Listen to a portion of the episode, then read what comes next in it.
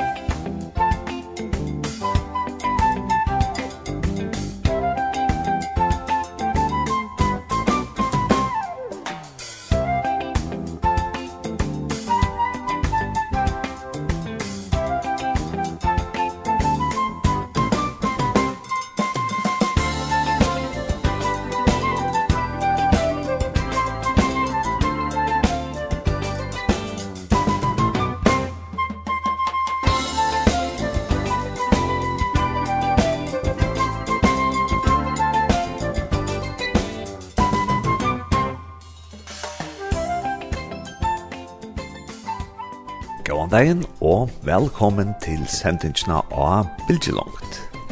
Og i dag er jeg stater i Oslo, og jeg fer inn at møta Njal Djurus, og så fer vi til at køyra til en boi som heter Skarpsborg, som ligger utenfor Oslo, og til tog at um, Njal, han helder at uh, jeg kan ikke bare komme til Oslo og snakka vi han, tog at det er sånne andre folk som gjør sånne mer spennende arbeid enn han gjør. Men ja, så nå alt for at køra med, så vi bare for å køra ned til Skarpsborg, og her skulle vi ta seg vi Eifen Johansen, som er løyere, sammen med konsunnare Siv, og i eh, frelsens herren om her, og i Skarsborg. Men åren vi færre at eh, høyre vi er om den, så færre vi da høyre en sang, vi færre høyre høyre Arvid, en dansker låsangsleiere, og sangren som vi skulle høre han heter Lys, mer lys, og han handlar om at i noen bojen om kvaldanar og nætnar, så gengat han nækrer nottarvaktar, som reka myskre borster og tar bya, godsikning i vi bojen, og så las er det vi til at leta nutjan det koma til. Og hetta også ofta om frelsans her, at hei, ja, genka her som det er mist i okkara bojon, og tei hjelpa, og tei, ja, få tinga så tja betri ut for noen folk som velja strujast. Så her er sjankren tja Arvid, som heter Lys mea lys. En mand går rundt i by, stille gader, En nattevagt med våpen og med lys. Han frygter ikke dunkle gemme steder Hver time brummer han på selve vers. Om Gud og konge, fædre, land og minder. Fra den gang han var ung og verden ny. En stille sang velsigner mænd og kvinder Og kalder på beskyttelse for by. Lys, mere lys, bryd igennem Vi længes efter morgen gry. Lys, mere lys skud er fort Må mørket slippe vor os by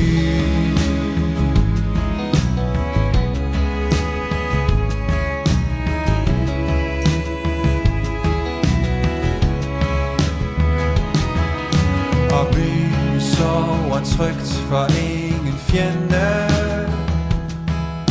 Kan gøre ondt under vægteren er klar. Hans våben er et lys, en morgenstjerne Han frygter intet våger være en far Han bærer lys til byens tår og porte små lys giver håb og mørkets endelige till himlen smågröder När dagen vågnar är hans vakt förbi Lys mer, lys, bryd igen. Det Vi länges efter morgen gry Lys mer, lys, Gud är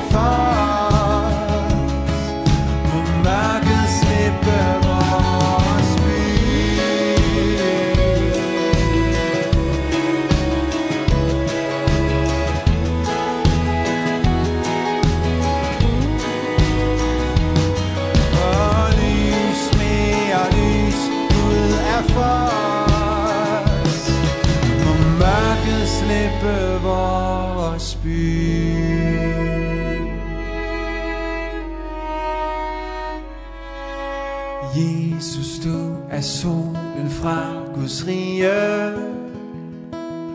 Vi længes efter at du bryder fra. Og indtil da som vægteren vi spreder Små lys i mørket håb om evigt hjem.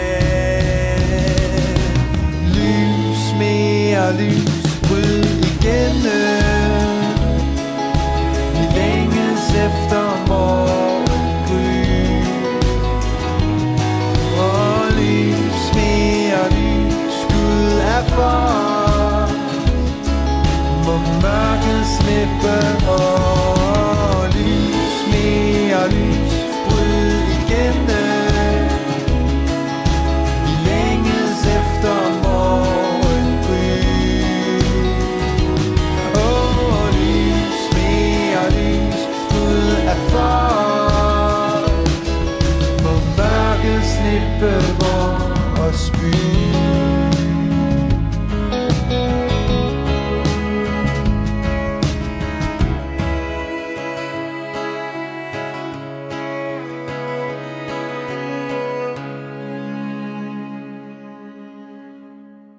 Ja, så er og Njal, vi tar Korst ur Oslo, og vi er kommet til en by som heter Sarpsborg, og her har vi så Eifen Johansen. Kanskje først Eifen, eh, forbindelse til at her til Njal, hva er det? Eh, Njal, han er mamma til min. Eh, så, så det er lukka som familieforbindelse, og, og Og så har man sånn at det her presenser forbindelse eisene, sjåvande. Fresenser familjerna. Ja, ja, ja. Så det er lukka som jeg synes det er så dopelt her, men han er mamma ikke min. Ja, ja. ja. Skal du kanskje først uh, fortelle om hver du har voksen opp, og hver du har bo i Kjøkken Løyve? Ja, jeg er eh, eh, soner til Elisabeth Johansen og Samuel Jakob Johansen. Eh, og de har jo eh, virka i fredsene her og i, og i i nekk var, og får så inn i inn og officerskolan tja forresten her i Nudjo Trush og eh, ta ta blei det jo til at ta, ta, ta, ta måtte til Norra ta var officerskolan var i Norra etla krukskolan som det kallades ta ja. eh, og så var jeg så er jeg eldster i, i hessar familjene vi er fyra syskjen og er i føtter 72 ta vår tei stad i Eidsvoll i Norra. Eh, så er jeg føtter i Norra, faktisk. Men jeg har omgang du følt meg som norrman. Nei.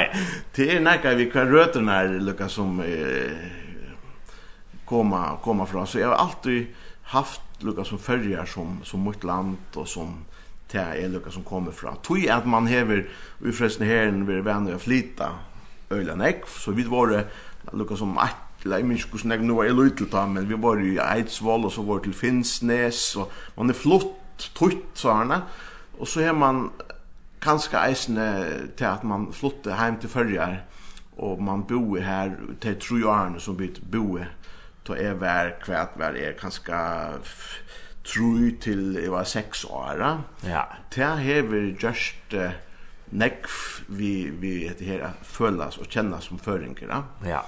Så så till tillöka som eh starstrund på det hela. Eh så här vi är så flott runt vid timern att hej hava ver stationera som det kallas runt i korps eh ta i i norra. Och så är vi fra eh so, som har helt helt sunnast i norra och helt upp till till Tromsø. Och flott vid timern och så kom ju dæveren tar man Lukas som skulle binda läsriva sig och såna här Og ta begynte vi att erfara folkhögskola och i Moss som är en halv timme härifrån förresten her nere är folkhögskola här och att något här så så blev det till att man måste göra så opp sin egen mening om kvätt kvat kvat er man och kvat ger man och kvat vil man vara och kvar ska man vara henne ja? Ja. Eh och ta hävar man ju eh kom her til at ok, jeg, jeg finner et kall til at eh, virka fyrir herran, gosse og kvæt. Jo, man hever, man er voksen opp vi, vi, vi det som frelsene herren hever giv i einon som, som, som, hva kan man säga, som, som unglingar, og så har man jo kommet her til at ok, men hva sier bøyplanen om det hela. Og så har man finnet en i ibovisning om at ok, Jesus, han vil bruka meg, og han kan bruka meg, så jeg må bare si ja og tåra släppa mig oj det där. Och det var ikke bare som man si det. Eh du är at, till att att han att att jeg kommer å känna Siv som är kona min. hun är er Bergen. Eh och vi möttes da en någon eh kurs eller en skai, första där skai som som som förresten här i i Asker ta var officerskolen her. Og vi skulle så, jeg skulle til førjer et år arbeid som baden ungdomsarbeidere. Dette var i 2,5, 3,5 herom. Og så skulle hon til Kristiansund som tar like liksom i mye norra. Ta så ta var det ikke gift eller? Ta var vi ikke gift, nei. Ikke gift, nei. nei. Ta, ta vi møttes og for så eh, men hon sier til FN eh, så vi fungerer en øyla tatta relasjon på en veien. Vi vil det lukka som ikke sleppa det her at nu, nu, nu har vi møtst og nu vill vi ha et band samman. Men så skulle jeg flytta til Førjar og hon skulle flytta halvt annet sted. Detta var jo Arjen på FaceTime og alt det der som, som er, så, så, så det var inte ikke spesielt, men, men hon har sagt det, Eifen, eh, skal to inn i fresen her en arbeidsmoffiser? Så sier jeg ja, solvande skal det til. Det här är finns ett kall om ett landa så vart näka. Eh men så skulle det visa till att att att Arne te ginche vid flottet till till till Alta som är uppe i Finnmarsne fick en gå haskola hon skulle ta utbildning som pedagog eh och og er får inn ut det som kallar for barnevernspedagog. Mm. Eh, det er, tog bara ett år. Det blev eh kan man säga, sen det fyra kantar för mig. Eh men det var det klart då. Ja, ja, men det vill lucka som isen vi går som man ska söka på människorna. Ja. Att det var synd så att människor är fyra kantar och det det det då det är få passa in och det hela och ja, men men för jag gör en länka så stotta så så mer bebo i i Alta så eh, giftes vidt, og flyttet så sammen, og så arbeidde jeg for frelsene herren oppe i Alta.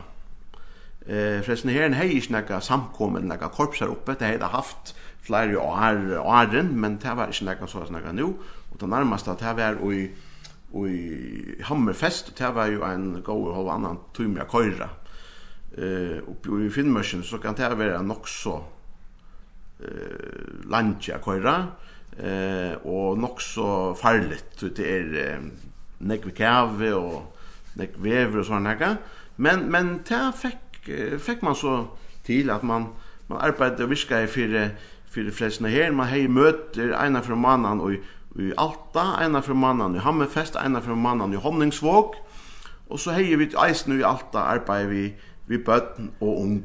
Det er ikke godt.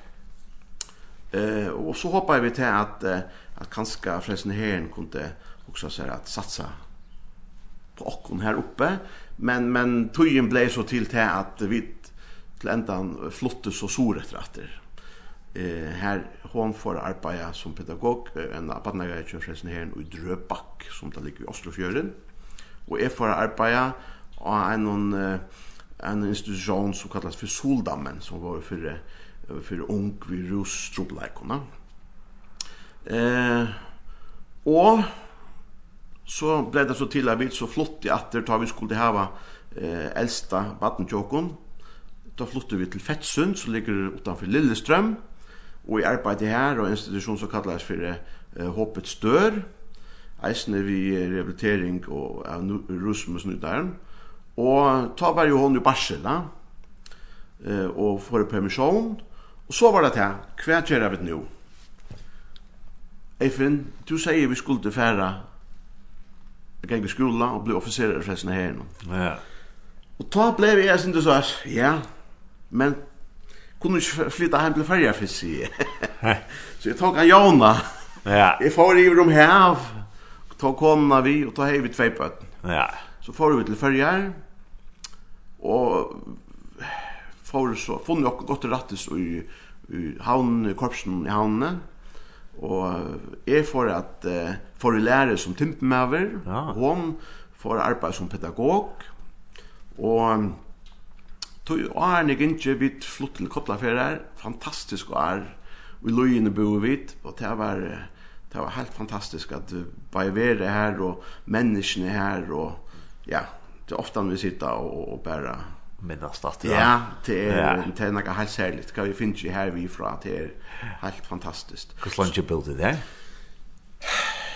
Ja alltså vi bor forhold til förra 2001 så var det väl två nästan tre år Arne flott til till og och så flottet vi ur färjan i 2008 okej så det var ju så öjla jeg var. men men Eh, kona min eh, är ju ur Bergen, men hon har en AHA för att lära förrest alltså att tossa förrest. Ja. Och hej alltså att eh, så gå uttal att näck som Lucas som å är du är du förrisk men så hörde man ta grammatiken kom in att här är ja. ett annat löjära. Ja. Men men hon tog färger till sitt hjärta och det er alltså på näka mata henne landeisen ja. Ja. Och och tossar hon så förrest än vi på när det kom och så. Hon tossar förrest men till er, Nu har vi bo i norra sedan 2008. Det är det inte så läs.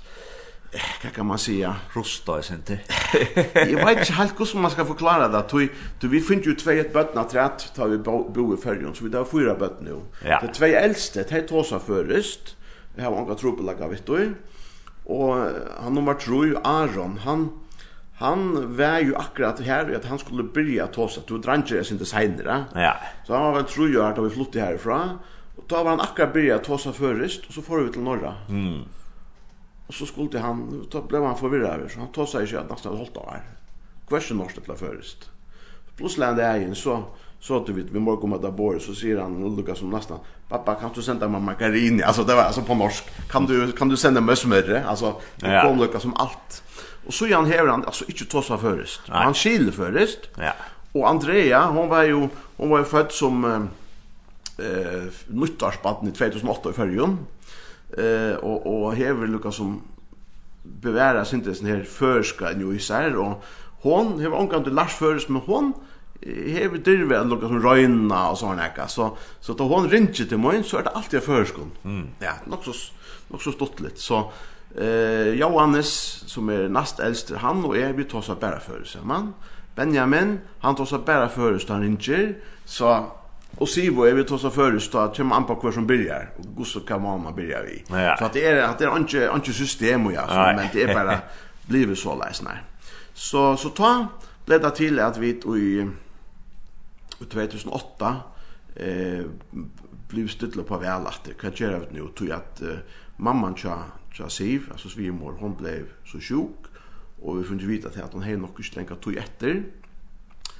Och så Så vi, vet, ok, vi flyttar att till färja, så sier Siv, men Eifen, ta minnes du hva du lover jeg mer. At hvis vi flyttar att till färja, nei til Norra, så er det derfor vi skulle bli officerer i fressen her, og ja. av skolan. Så det ble det til. Fyrst året, vi flyttet til Bergen, og fyrst året her, så eh var vi leier for det korpset som ligger i Sandviken, Ladegården korps. Och så andre året så får vi in i en utbygging, et fleksiløp, tog vi måtte til, til Oslo eller Asker for en skola, og vi har jo fyra bøtt, så det var sin dratt fram og så leis. Og bru, brukte så tvei år at træt her i Bergen, og han ble flyttet her til Sarpsborg i 2011, eh för jag gänga gå senast och är ta hela isen flott officerskolan från Asker till Moss så det är bara en 30 minuter härifrån. Eh så senast då är ta blev till att vi inte eh där med vi bo i Sapsborg och ta hej samkomman här stäje åttan lejer och ett år och vi kommer till en samkomme som här yngst med av vær ja lengt upp i Holtrusen. Det var det var nok så speciellt å komme ja, till till ja, det. Ja, Ja, kan göra det nu va? Eh och konna mun hej finna vision om at ta vid lukka som här var just ta lukka som första vi kommer känna menneskene och och, og det var, här var några svar som vi lukka som kunde vi okkar personlighet och vi vi vi vi, vi läsle från herre klara komma in ända och som böt om och och få Lucas som några ändar till möta så såna här. Lägg dem och såna här och det var nok så viktig tvei år, og så at han til tvei år, så sette kona min sunna visjon ut i løyve. Det var altså hette vi arbeid vi ung konfirmasjon, altså firming og sånn, ikke? Og det var lukka som byrjan på at vi så jeg nutjan var her og i samkommende her i Sapsborg. Uh, at vi uh, byrja vi tog, tog ta kom med ungdomarna och så kom ju mamma och pappa vi till det skulle fylla vi ungdomarna och allt det här. Och så blev det till att vi hej ett nog så störst eh, diakonalt alltså så socialt arbete här och i korpsen och vi eh tänkte till att okej okay, till fint men kunde ju pröva något som att att flätta det så eller flätta det samman så att det blir ikke samkomman her og det sosiale arbeid her, men vi kunne gjøre det til en heilta.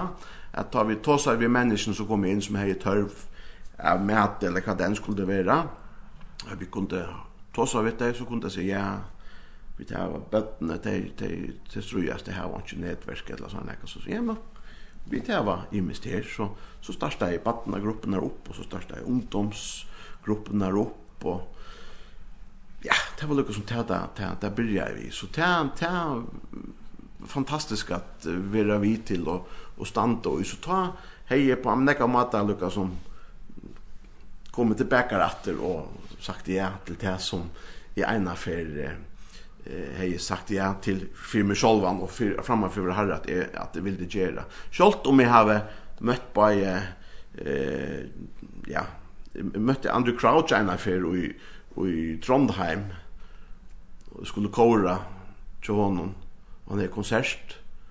Då har jag sagt ja till kattel nek var framan undan men hej som lagt av vecka sin tur och att han så då han var färdig då var han också mauer sätter sig nyer. och han var dutch vater och svarta. Ah. så tänkte jag ja om en bara Lucas bara tack han i handen alltså som jag tittade han i hånden en affär så stod fullt av fälter runt om honom och så tog jag hånden in i mitten av ett nu manna mikven her, så følte jeg så store svart i håndene, og så hala jeg meg inn, så hukte han på ham, så sier han, I can see that you're gonna be a preacher, sier han. Oj, jo.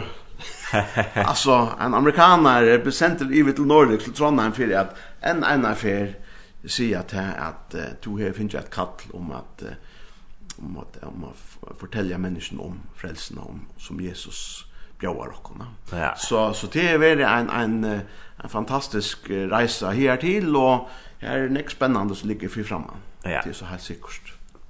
Jo, jag finner alltid att Arne vi för att vi för att oss syndrom om vi ser samkommer Sarsborg kvart hit hava av aktivitet og forskjellt anna, men er det, jeg heldig vi fyrir at spela et lær til Andrew Crouch, er det kanskje et som betyr selgjane kvirde som vi hadde kunna valgt til honom, True, true It All er fantastiskt. True ja. It All, ja. Yes. Jeg halte det det her kallast. Ja. Gjennom alt. Yes. Ja. Han tar ut.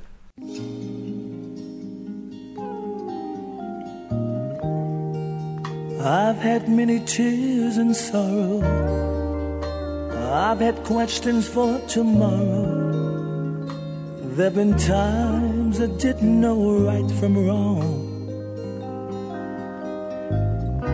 But in every situation God gave me blessed consolation That my trials come To only make me strong. I've been a lot of places And I've seen millions of faces But there were times that I felt so all alone. But in my lonely hour Yet those precious lonely hours Jesus let me know That I was his own. That's the reason I say that through it all mm, Through it all Oh, I've learned to trust in Jesus. I've learned to trust in God. Let me tell you that through it all. Oh, through it all. I've learned to depend upon His Word. So I thank God for the mountains And I thank him for the valleys. And I thank him for the storms he's brought me through. Oh, if I'd never had a problem I'd never know that God could solve them. I'd never know what faith in his word could do. That's the reason I say that through it all.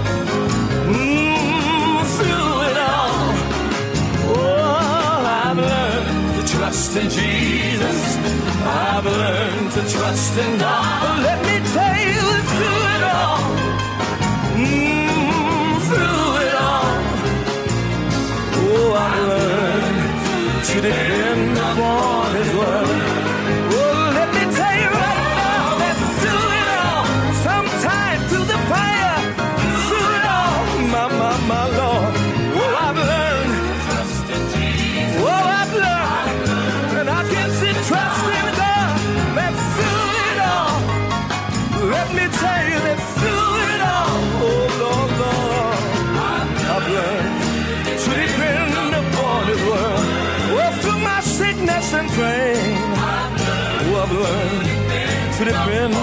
his word Oh, through sorrow and shame I've learned To depend upon His word.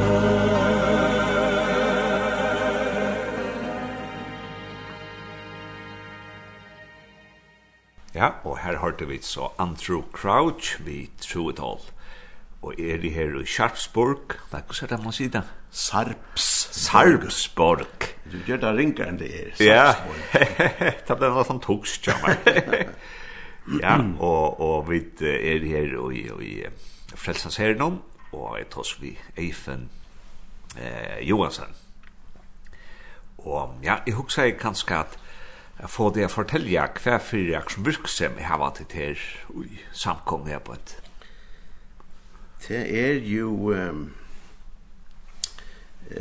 um, det er jo et traditionellt korps altså som blev sett av staden i 1894 ehm som man hever ver nekvar og virko i her som boi innom mot livet en parster av Geranstein her i, i Sapsborg på nekva matar eh, og som en uh, sier eller nevnte Johanne at vi kommer til et korps her den yngste var i Holtrusjen. Ja. Så sier det så skjølt at det arbeid som vi har tatt, det var jo for de vaksne og de eldre, ja. Ja. Og nekva tog er jo eh, ting som vi manererer vi, vi enn, men, men vi har omgang til å være, hva kan man si, benchen for at teka ting opp til vurdering og sier, ok, men skulle vi virkelig bli vi at manererer vi etter her, på hentan matan. Ja, ja Eh men samstundes har vi varit äckliga opptidsen av at vi gjør det samme vi samkommer sovande. Ehm så hvis man ska ta Lukas som hittar jökna i vike så är nu kvar vi hava så så är det att vi tar och som vi kallar för möteplatsen till der. Eh här det diakonale eller det sociala arbetet som ständer som arrangör är toja. Här det blir till de flest koner eller de flest damer som kommer samman. Och det blir jeg vet at jag skulle ha bindeklubba, men, men det utviklade sig. Det er ikke alt som tømte jeg binda, onker for hekla, onker vill det bara sitta och tåsa. Og så ble det till att man, man hever en andakt, en, man hemma sätter sig ner och, och tåsa samman om, om det man har haft andakt om och eisne kan det vara imisk emner man man samtalar om eller man för ut man för en fisketur till näck av dem som kommer här var eh alltså är inte norsk som utlänningar då Ja. Invandrare och såna där som ankan det sen en fiskestång för eller som ankan det har prövat det. Eh och så har man färd ut fisketur eller man är färd ut att eh näck flott område runt omkring här som man kan färda eh för att grilla Eh och och så är man eh, nu kommer här till att man gärna vill eh, binda vid träning, alltså aerobics. så det har vi eisen här i husen och sålt om vi skulle haft nekmar loss Och och det mötplatsen är det bäge för botten och vuxen. Nej, det är för vuxen. Det är för vuxen. Det mesta, men det är ju du du det klockan 11 så är det botten i skola eller badnagära. Men så var det anker anker här vi kanske batten så vi men det är primärt sådana som det blev nu för koner och, och damer eh, som kommer samman. Eh, och det senaste tillskottet nu är nu att jag skulle lära, lära självförsvar. Alltså, vad kallar det förskon? Självvärje. Självvärje, ja. så det är det. Ja. Eh, så här har vi ett... Eh, eh eisne som nek under korps forresten her var hot musikk eller Hornorkester, de har vending kvann, den er vi gjerne stadig, ja. Eller ikke vi gjerne kvann, mann og men ja ja. Hver vike. Om kvölte, kanskje. Om kvölte. Eh, og det er jo eisne et korps som hever, eller en hornorkester som er veri i driftsøyan, eh, 1800 og halvhems. Altså, nesten lykka landet som samkommande veri. Ja, ja. Så och att det samma så är ju mer aldrig nog så höver här. Så är som är kött hålltrus är har alla kraftet ner Jacknessnits alltid den här. Ja. Ja. Annars så har vi ett eh konfirmationsundervisning. Det har var vi vi här var eh utdeling vi hjälp till mat, vi samrövon till de som har bruk för det, för nett kallar man det för nätverksbygging, alltså bygga nätverk. Eh och nu tar sist av det här senast var nu till att vi har sam samstarm vi vi NAV. Hur så det stånden nu i färjan? Han heter NAV, vad är det här? Det är det som hjälper socialt, alltså. Ja, okej ja. Tryggt, nej, nej, tryggt. Ja, socialt dolt, kanske kommunen ett lag Ja, ja. Som som som det det blev så att nav på näka matar när det blev ett källsår. Eh du det ska hjälpa till men det är så näck som följer till att att terskeln för att komma in han blir nog så höver och man hever sig inte trubbelagar vi vi hur som man ansikte ut då. Så vi tar finns jag samstarv vid NAV. Här tävlar kommer här till. Du tävlar hjälpa tajmon som som gärna ville komma ut och starv och arbeta som här var ringt för att klara att finna det av att komma in till dig eller här var några motförstillingar eller några fobier och så kunde komma här in till här är det något som ett tryggt område ja? Och ta så att sten för folk komma till Nav så kommer Nav ut här till. Så kommer Nav här till och så kunde komma här och så kunde vi ha vad det samma en slags eh kafé. Ja. Att jag kom in och dricka mon och kula bytoj och så till så kunde jag göra till vi vi vi tror ifrån från av som sitter här och som eh, hjälpa timmen att eh, lucka sondera talent kvätt hva kan du gjøre, hva vil du gjøre, og hva er mulig å finne til døgnet. Og er det så det er sommerfølelsene som har vært mannet der til møteplassen som så østen kommer til, heter jobbkaféen? Det er, det er ikke, det, det behøver ikke være. Nei. Det er, det er, altså vi har gjøkken det sosiale arbeidet, så har vi nok så nekv mennesker som vi kommer i kontakt med gjøkken eh, vikenar. Eh, tui tui nu har jag så att för tuschte har vi eisne utdelning till familjer. Här till som har var eh bud komma till utdelning men så har vi ett der där till till för det som är stök eller som är det bara tjun utan bötna eller som har bötna i Rajanara eh och och Tætjer til at, at te, te kommer jo ikke hver vike, vi skulle jo ikke det är ju meningen att vi skulle geva dem om allt det skulle hava och det bara skulle tanka det. Oh ja, nu så fruktar det att nu kunde komma till förresten här och få att det vi skulle hava, men vi skulle röna Lucas som sätta sin inte färra så det kanske kunde klara sig själva, va? Eh och och ta har vi utdelning 14 dagar kunde för de som kommer fruktar det och ena från mannen för de som kommer torsdagarna, alltså de som kommer till familja. Så det vill säga att vi inte komma att beröra nog så mennesker i løpet av någon eh 14 års tog, ja. Eh typiskt som i det, til torsdag i det nu råkner vi att eh, allt från 25 till 35 fjörde familjer er innom, och frutja det ene så är det mittel noll trusch och trusch eh husarhalt som kom innom. Ja. Eh så på första dier så var det ett sted mellom 200 och 300 människor som, eller husarhalt som på en måte var berörd. Blev berørt, Och så får man Lukas Møllegan att säga vet du, okej, eh, torsdag nästa vecka ta, ta, ta, kommer nav. Hvis du hever tørva komma så kommer du, hvis du hever bruk for eh, veleiing eller et land för bilds vi starver med arbete, ja. ja. Så det passar han bara att lucka som eh, era. Ja. Eh men nu är det ju så att de flesta här är det bara för dig som har varit ringt eller som som inte har varit gott till isen nästa för för och som som brukar det som och samkomme och för dig som har haft det ringt och som som har sett att åh förresten här en här när går samkomme som kommer in och som det blir en part av tarra samkomme i isen. Och det är ju alltid så att att vi som eh, kunde kunde bjóða dem men bara ett och annat och så och så att det är vi som som alltid har varit att gå och komma vi ofta annars så har vi upplevt att det till näck gotla få hin vägen isne sannolikt mm. här är näck vustomer som ligger plantar och i människan som som som som uh, kanske samfalla så samfalla så här inte nyr på. Ja. Så så det är det är ofta en man tänker sig inte då ut så fantastiskt här är det. Ja. Eh så här har vi ett annars eh där vi kallar för korpssangarna till är det till äldre som kommer samman och som sin java vändning till torsdagar. Mycket där har vi ett eh, förmiddagsträff till eisne för de sin äldre eh här ska komma och så har vi ett eh, imisk som kommer vid Jan Jarl han ska komma kött. Tid du inte glömt Jarl.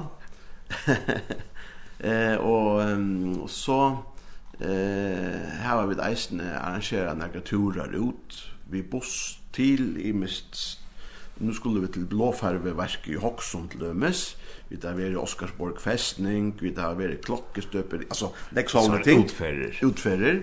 ja. och så utav kvällen så har vi så eh, för bötterna eh tillpå om om aktiviteter av det här. Onkel du så har ett inneband ju sällan någon här nere. Då det flott väder så får det ut och göra i miss det har kanor som vi kunde bruka. Vi har aktivitetshöll vi så inne här så vi kunde bruka airhockey och och bordtennis och och vi har såvande ehm andakter eisne det er en pastor av ötlund aktiviteten som vi har ötlund tilbud som vi har. Og her kommer nekbøtten vi har utbjørnene til at hølene kunne være større, så, så vi har ikke mulighet av økt bøttene sen, så tog må liksom deile det opp i flere grupper, uh, bølger, og hava det ute i vikene. Ah. Eh, så har vi uh, høstdagen, da har vi et uh, tilbå som vi kallar for familjeverksted, Det er eisende i jøkken til sosiale arbeidet her. Uh, vi eh, vi har en diakon eh, som kallas för Belinda. Hon är fantastisk. Hon dår öliga väl av sådana människorna och och vita gosse hon ska möta dig och ja och så gör så gör det och hon häver arbeid for familjeverkstedet her. Eh, familjer, til nekka utvalgte familjer som kommer, vi så innom bøttene, vi, vi onker er mamma og pappa, onker bare mamma, og så gjør. det så kommer det her, bøttene får lov å være sammen og spille og hukka seg og hona seg til det døvra sammen, og så for bøttene gjør utrivet eller et eller annet, uh, hon er frivillig som Belinda har nokk frivillig som hjelper bøttene, og sånn her, og er ikke time og så tekur Belinda bøttene, nei uh, foreldrene til voksne opp her som vi sitter nå og så har det imisk tema som det tås og jøknen eh allt fra barn uppdragelse eller økonomi eller ja hva du kan hva det er opptidgen her va?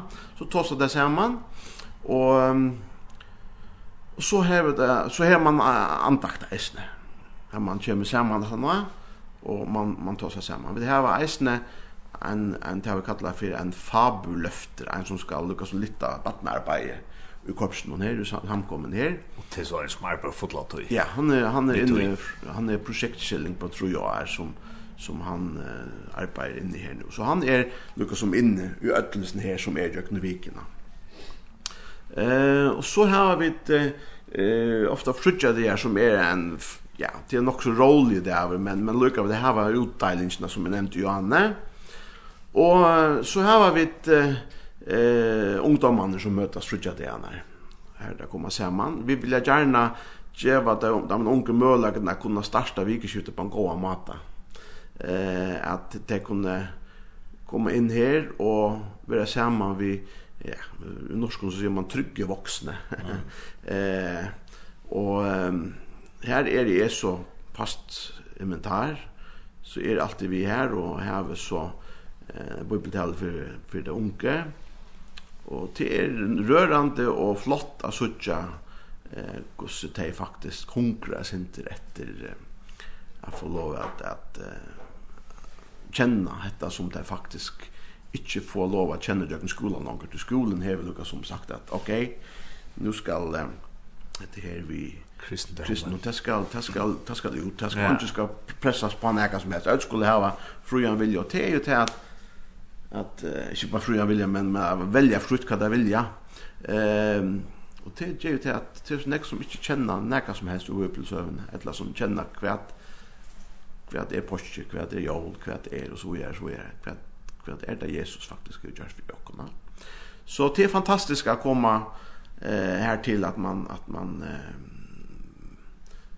ja møter, møter de unga här till er Så har vi et bønamøte i eisene, det glemte jeg å si at det er eisene torsdagen Eh, og så har vi et eh, sånne dagen her, vi hava eh, møte klokkan 11, onkel du klokkan 16, alt ettersom hva som, som er. Eh, vi hava det vi kallar for stor samling, her det er sintemar, altså es, generationer kunne lukka som møtast, sundagsskole her var vi eisene, og Ja, det er lika som bare så latt nämnt hva det här var jökten uh, vikene, men men så här har vi ett eisne jag vet her var tilbå till till ödles her som vill komma å känna eh til dømes om sommar sommarferie tilbå, är familjen har vi sendt av ferie og stedene. Ja.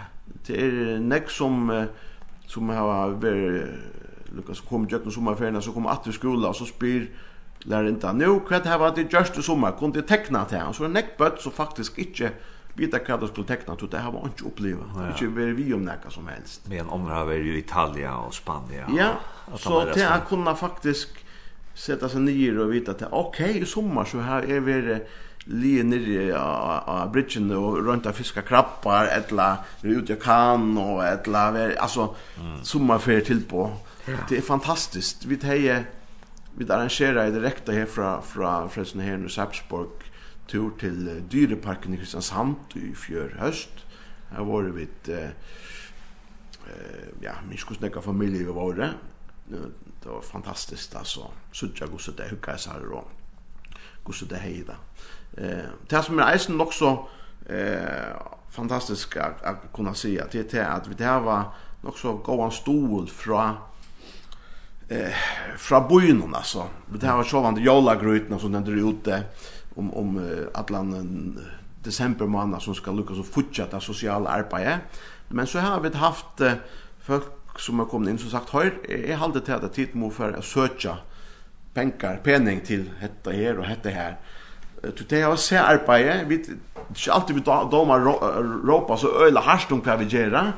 Men helt lätt att det lukka som gissast døgnen at vi gjør det.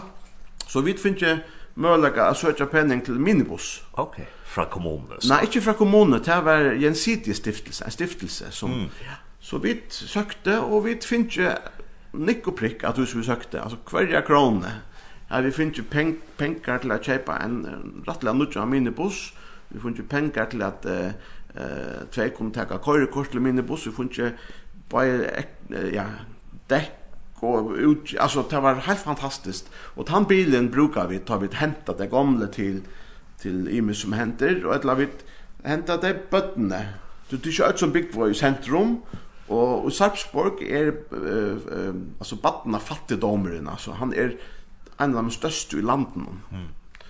eh så det är ju som här har möjliga att kunne fære åter og fram. Och ta här vi finns det var siktelse en buss som vi kunde hämta bøttene vi ta det skulle til, og så kører vi det hjemme til etter Det samme til unge, eh, ja, akkurat nå så er det kona min er som kører bussen mest, men, men ja, men til er så er det Og så bare for eh, tvær trutte av måneder siden, så finner vi en, en liten elektrisk bil, som vi brukar til det sosiale arbeidet. Eh, det er en eh, bedrift her i Sapsborg som heter Paxter, som hever eh, som hever produsera bilar till postväsk i norra och Schweiz och Tyskland och så vidare så vidare. Og de hei en bil som de gärna vill ge till arbetare så så är er nok så store, og da jeg sitter i som stora bilen men ta jag sitter store och jag lilla bilen så är det nästa som hitja och og vinka så okej nu er forresten här nu då och man drar så till något så festligt. Ja, så nei, så det er nästa som henter till er och och vi det är allt som okej. Eh för att hva er det tørveren nå, og så brønner det møte til tørveren. Ja.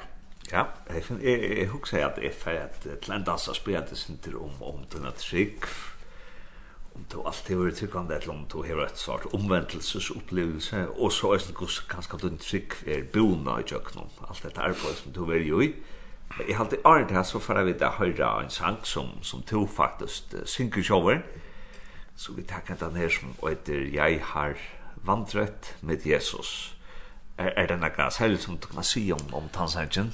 Hva synger du han sammen vi kan skal? Det er, um, det er en sanger som er synger sammen vi en bølge som kalles for manssambandet som er lukka som ver et mannskår i Fresne her nå i Norra som ble sett av stående i 55 i forbindelse vi at man har en innsamlingsaksjon eh, fortsatt jøkkenen NRK Eh och så har vi det så rotlugin ju i nekvar och ta ta hem man och i 25 år så funde det att nu nu väl. Men jag fick lov att vara i sin det var fantastiskt flott. Eh och det är ju en sanker som som det är David Vedlander som har skrivit hans hanken. Eh officer i fräsna här och han då jag vill väl sätta år på på Löve altså løyve vi Jesus gjøknon glede og gjøknon sorg, og tan dagen tar man så stenter her som eh, dævren er enda, og man kan få lov at eh, letja alt sitt løyve i har han henter. Det er jo det jeg er tryggve, det tog jeg gjør det, det gjør det. Det er jo ja, det er, det er gleder og det er sorger nå, nå vi det her var eisende eh, alltså kona mun hon skal förrätt och göra för nu om tvärt det är till en som har haft allt sitt visst i Fresne här i Sapsborg så han var eh lite pilter och och och och till att söka att han hever hilde fast vi frelsaren Jesus Kristus jökn allt jökn sjuk och jökn allt. Jökn givi utgikt trygg vi tog jöknen sang og vittnesbord og om musikk og tonlag. Altså, det er, det er fantastisk. fantastisk då att ett vuxen människa kan vittna så klart och tydligt om så var det Ja. Så ja, ja. det är väl ganska det man kan se om henne sant när jag har vandret med Jesus. Ja, han taggar nå, jag jeg har vandret med Jesus.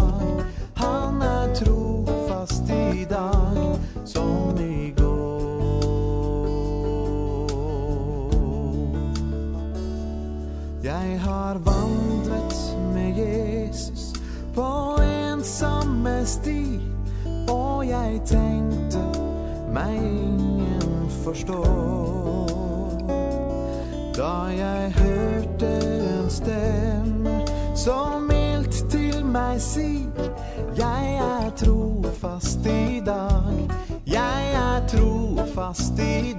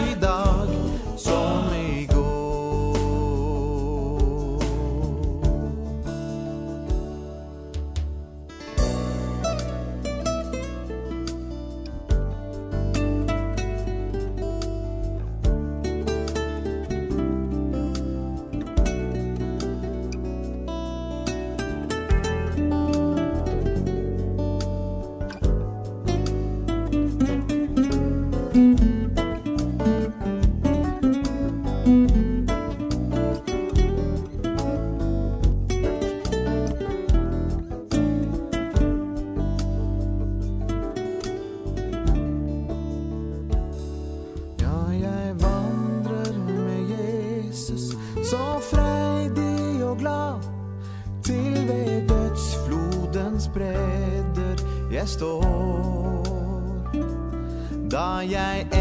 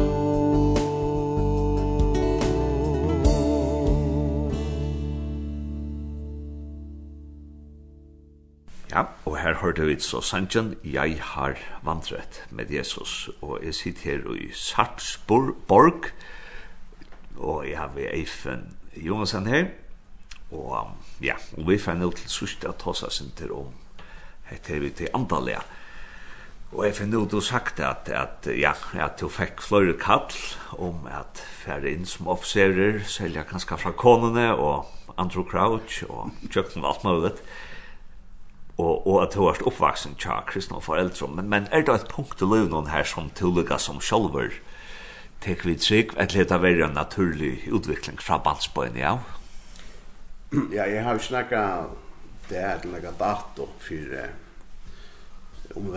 det har vi ikke ofte annars så har vi eh, hoppa at jeg kunne haft haft at nek tydligare lyckas som fra, fra nått til det er som opplevelse. Det har vi ikke. Eh, men, men ja, jeg er oppvaksen og i, i en heim her mamma og pappa alltid har peiket på Jesus. Og om og pappa og mamma har eisen alltid gjørst det. Det var en ivig om hver som skulle eie hjertet kjøter, ja? og løyve kjøter. Eh, men, men, eh, som tar man baks upp och nu är ju liksom vuxen upp när her i, i, i norra Eh och och det var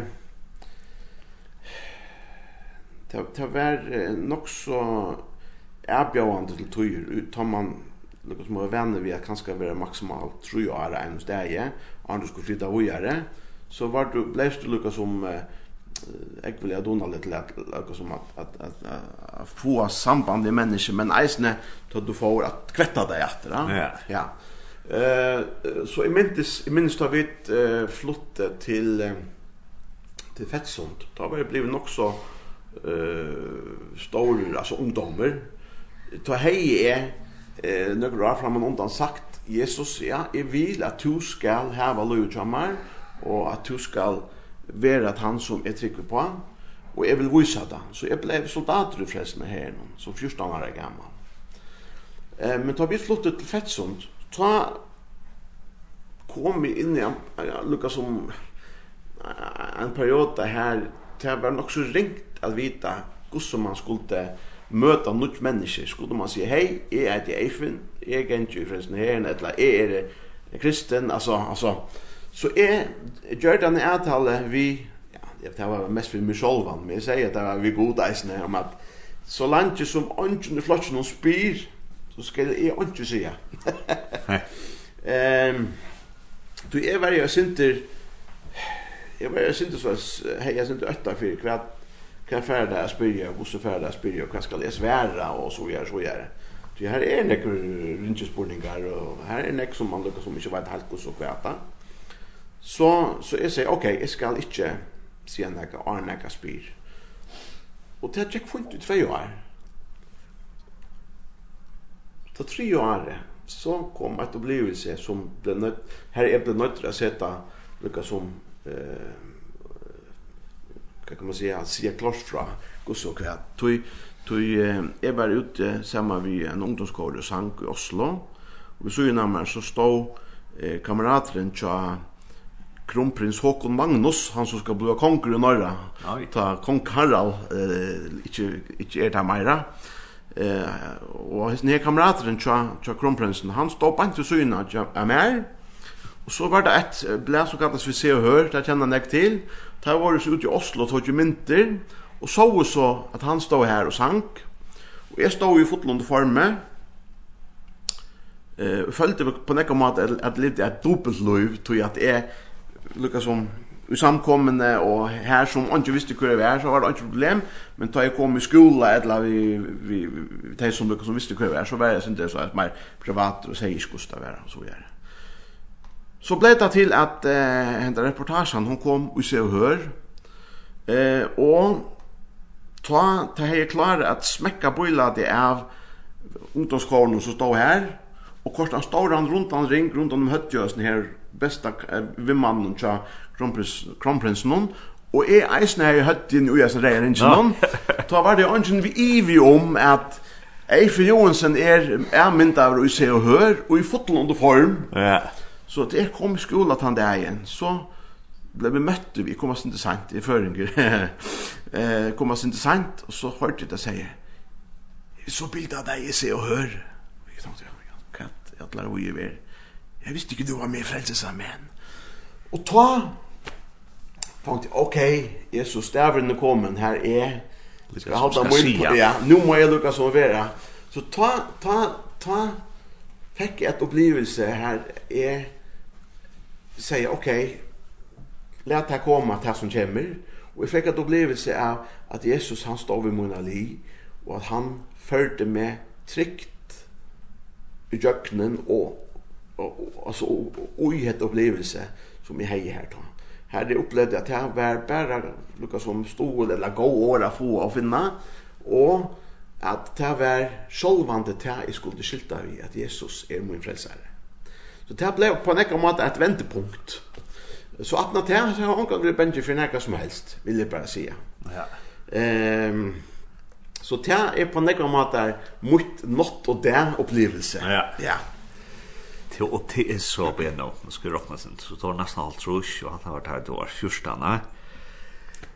Ja, det jag hade hette upplevelse här. Ja. Ta väl är ta väl Jack ta väl 15 jag blev soldat då var 14 år och så var det jag var 16 16 ja 16 år ja så at det är förutsätt vi har så igen ett skjørt. ja och nu är det så fyllt vi Jesus i alla sjärne och arbete Ja. Er, är er trygt og nära som bonas og brøtt vi har noen helt, ja. Ja. Ja. Det er helt klart. Ja. Eh, tui eh nu sett du så flott år på det. Det heter 34 år sedan så är blev en rattliga några äldre än då. Ja. Eh och väveren han han eh, fer uppa fjöll och ner i dalar och tar man hever Jesus vissar så så upplever man det att att Jesus han passar in i allt som du upplever. Eh och i och i te ring in i rinkelöt när men sannolikt eisen ta ta glädjen bara för Lukas som får lov att att att bråta fram. Ehm ja, det är helt säkert att att tryckven ut det är man kan kalla det mer robust kan man säga att det så. Ja. Ja. Eh och ehm kunnleiken om kvat kvat Bibeln säger och eh iveren, det säger man förskon efter att Lukas som eh lära Maira han är absolut det där. Så vem man sätter på på imiska rönter og man ger ta samman vi vår herre. Men jag har en annan kone som som delar munna trick og det är fantastiskt jag tror det känns där kunna vara samman och samkommande här i Sarpsborg får jeg lov att samma vi tror sig ikke höra tärra vittnesbörd sucha løyve, och te, ta seg, sig och sucha te klamra sig till Jesus självande gjør till inntrykk. ehm så hever man gjøkken öll år naturligt eh, haft ett bänkande hjärta för dig som som eh, som här har ringt och som inte alltid får eh vad kan man säga tänka gänga upp. Och de har var sannolikt eisne sett eh, eh upplevelser och in i mitt liv här är kan säga att tack Jesus för att att du har vara med och att du passar på med og to er vi mer i Øtlund. Eh, ja, nei, det er, det er, det er fantastisk at, at kunne være, altså å vandre med Jesus i mørk og lys gjennom skiftende tider og kår. Ja. Til troer styrkjene. Ja. Så, så det er helt sikkert. Nå er man jo eisende til støve, at som man som pape skal man jo eisende eh, gjøre det beste man vet hvor er til sine bøtt. Og det er jo eisende vi har utviklet mine trygg, vi skjønner ikke. Eh, tog teg de høyra jo og suttja jo, men de skulle eisen tekka sutt standpunkt og nere. Ja. Så tu på mata veri lukka som tvinkar, lukka som suttja tingene på, på en nek større mata, lukka som jeg sinter utifra ta sjolv. Og så er samfella jeg eisen på nekka mata ubrøyting, så man, man, man vil jo stilla framan fyrir nekva erbjauangar som man eh vill veri nøytra setta mm lukka som eh tacka stilling till för det ja, ja. ja. Ja. Så är det rätt av Eifen som jag hörde at att kanske att det var stunker så så var god lägga som då lägga som Jack vi och Vente och sort men nu nu följt oss till säga att han var robust så nu är det lägga som en grundtone av av Jesus till bara vittar och rundan om det. Ja, alltså det är ju på några matar som som ett äktenskap alltså två blir förälskade, så vet. Ja. Och så roa till sig nyer. Ja. Men men men det är ju några vi tror jag att man kan vara gifter i öll år och så är man det är gott. Men till några kan ständigt då vet när hemma till Ockhom gräset är grönast där du vandrar där ständigt där. Mm. Ja. Och det är ju det att detta måste ju vara ett livande eh troarliv. Ja.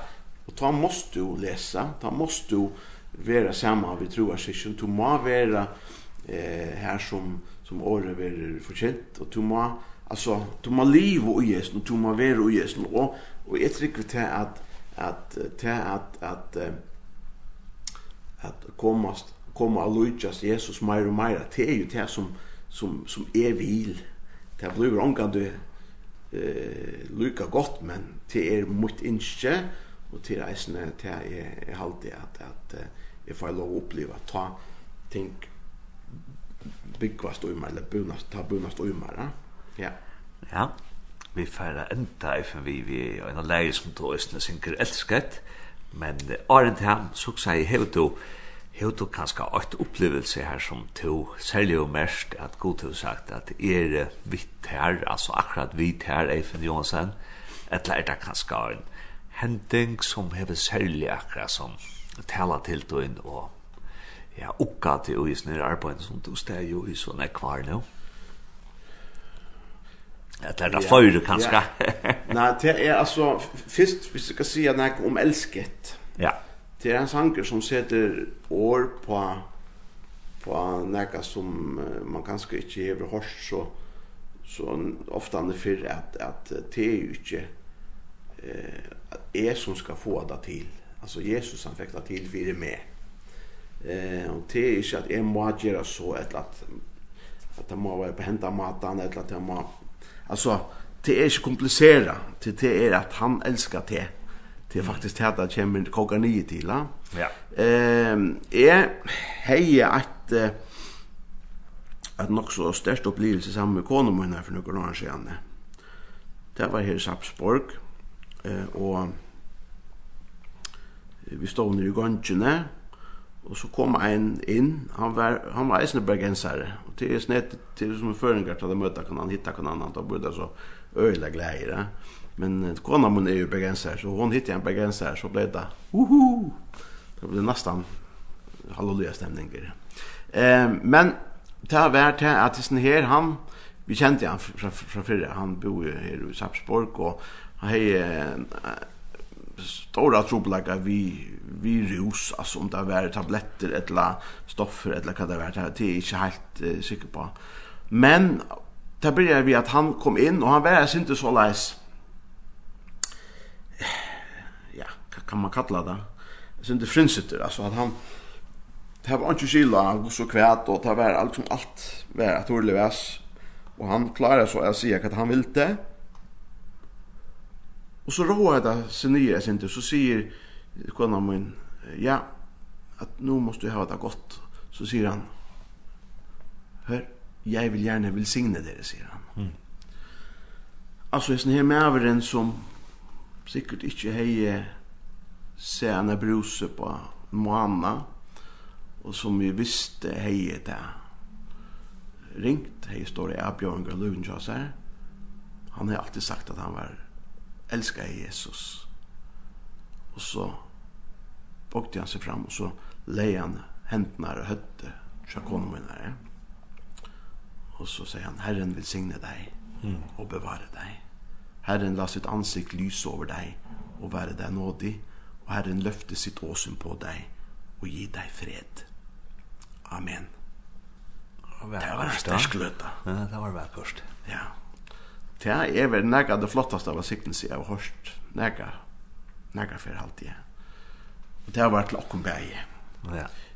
Det har vært altså enda en et, et bøyla på hva, hva Jesus er og hva han kan bruka Og det har trångt ut akkurat her og ta og få at det. Og så funnet vi det fra honom. Fantastisk. Ja. Ja.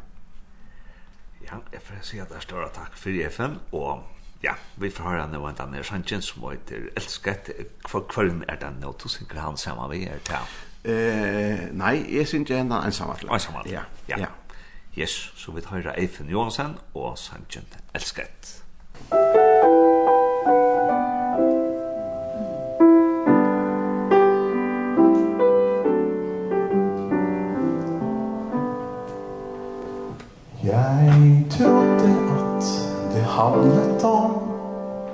en smal og ulendt sti Hvor grøftekanten skjulte mange farer. Man skulle granske hjertet sitt Og se om det var rent Og toneflagg som sannhetens forsvarer Det var jeg som skulle håndtere Det var jeg som måtte be. Og jeg strevde for Å lykkes helt Til den dagen jeg fikk se.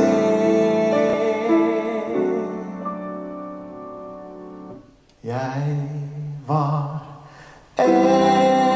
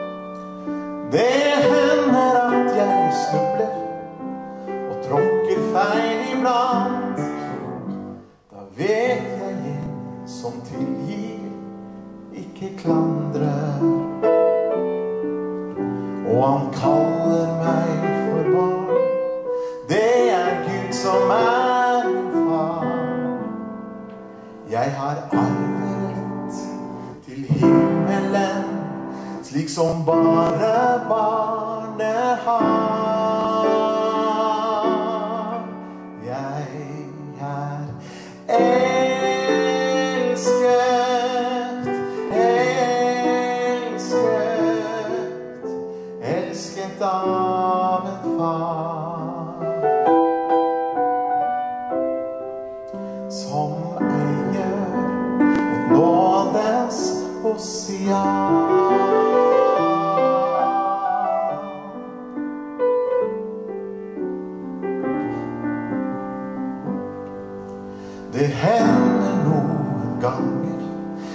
jeg glemmer hva jeg har.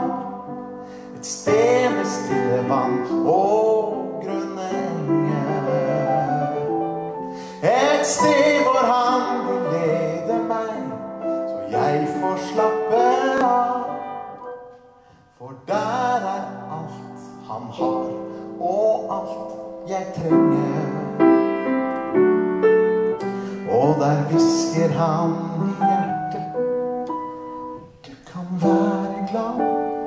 fordi Jeg har ordnet alt for deg, mitt barn Slik at du kan være fri. Du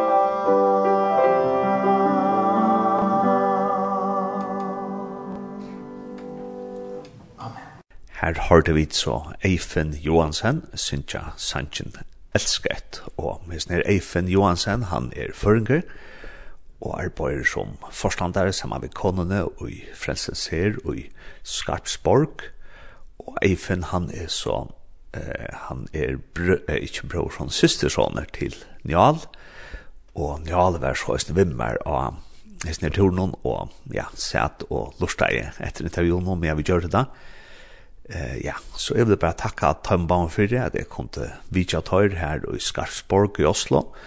Og ja, takk for at du lort til sendingene, og minnes til at eh, hentan her sendingen, som atler ærer sendingar og lintene som har vannet kvartale til å være lagt her ut som potvarsp.